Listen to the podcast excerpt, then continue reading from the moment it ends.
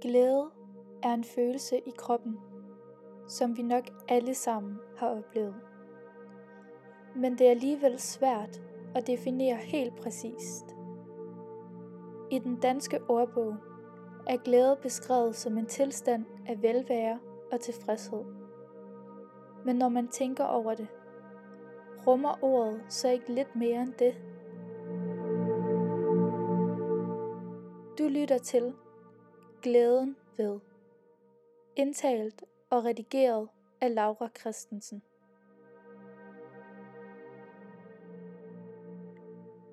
Episode 1, del 1 Glæden ved at bo i Danmark. Tanken har strejfet mig flere gange i mit liv. Hvor jeg er heldig at bo i sådan et velfungerende samfund og land, som giver mig livsglæde hver eneste dag. Livsglæde det er et stort ord, og det rummer mange ting. Får man overhovedet mere frihed og glæde af at bo i et sådan velfungerende land? Jeg tror, at vi danskere nogle gange glemmer, hvor heldige vi er. Glæden ved at bo i Danmark. Vi snakker ikke så tit om det, men burde vi måske ikke sætte lidt mere pris på det? Jeg tog min kæreste i hånden og spacerede ned af Aarhus gader. Han havde inviteret mig på café.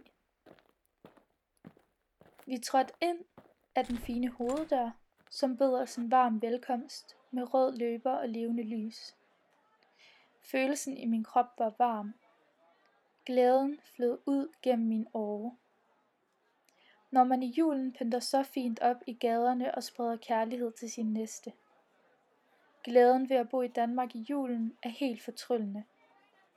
Mine øjne lyste op, da lyset fra de mange lyskæder genspejlede i dem. En ældre dame var i gang med sit store julekøb, men hun nåede knap nok ind ad døren til caféen, i det hun faldt over den ellers lave dørkarm. Vi rejste os for at hjælpe, men besluttede os hurtigt for at ringe 112. Hun havde slået sit hoved voldsomt, så hun skulle på skadestuen og tjekkes. Mit hjerte galopperede, og angsten spredte sig i min krop.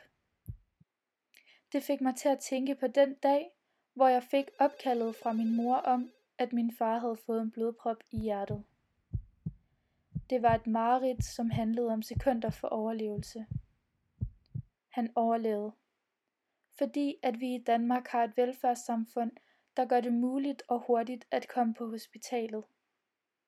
På den anden side, så kan velfærdssamfundet diskuteres. Det passer kun til de mennesker, som lever efter opskriften. Folk, der passer ind i skabelonen som den ydedygtige samfundsborger, som bidrager positivt til samfundsøkonomien.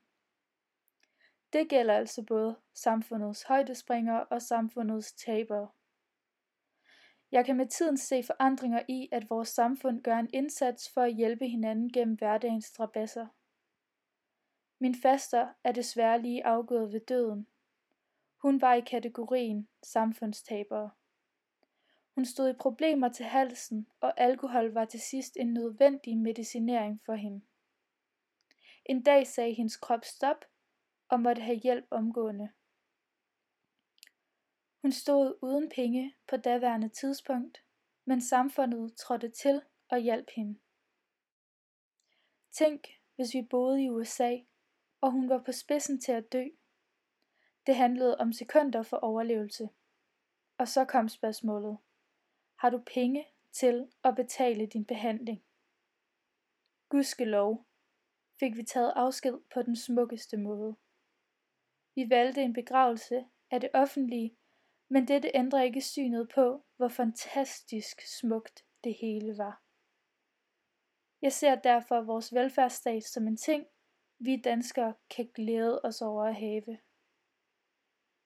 Noget helt andet er, at vi har den smukkeste natur i Danmark.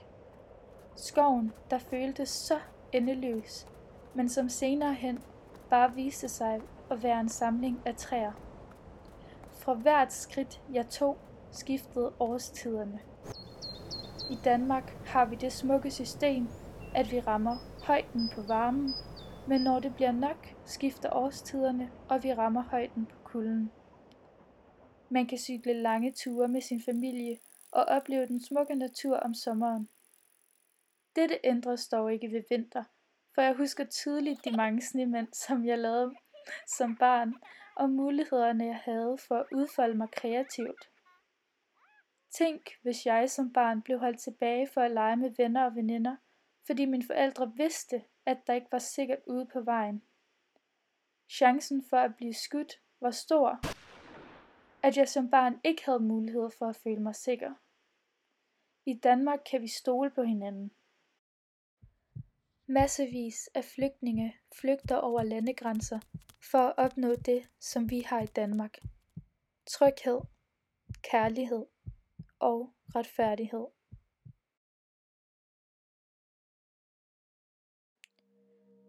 Tusind tak for din opmærksomhed. Jeg udgiver snart del 2, for historien er slet ikke færdig endnu. Ha' det godt til, at vi ses igen.